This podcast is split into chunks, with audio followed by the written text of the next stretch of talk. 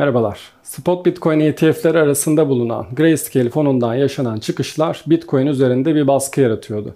Geçtiğimiz haftayı kapatırken burada güzel bir durum yaşandı. BlackRock'ın Spot Bitcoin fonu hacimde ilk kez Grayscale'ı geride bıraktı. Hem BlackRock'ın hem de Fidelity'nin Spot Bitcoin ETF'leri hafta başında Grayscale'in günlük işlem hacmine yaklaşmıştı ve bir noktada geçecekleri görülüyordu. Derken ilkini biz perşembe günü yaşadık.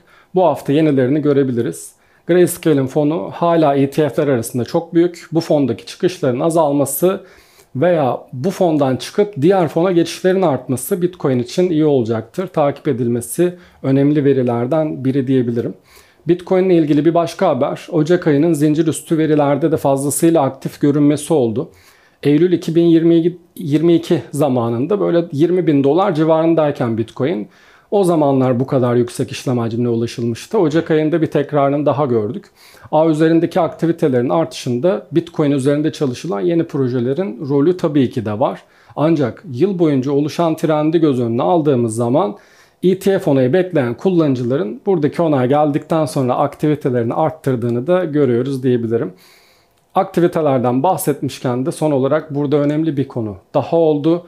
Solana'nın üzerinde açılan yeni hesap sayıları Aralık ayında 10 milyon yeni hesapla dikkat çekmişti.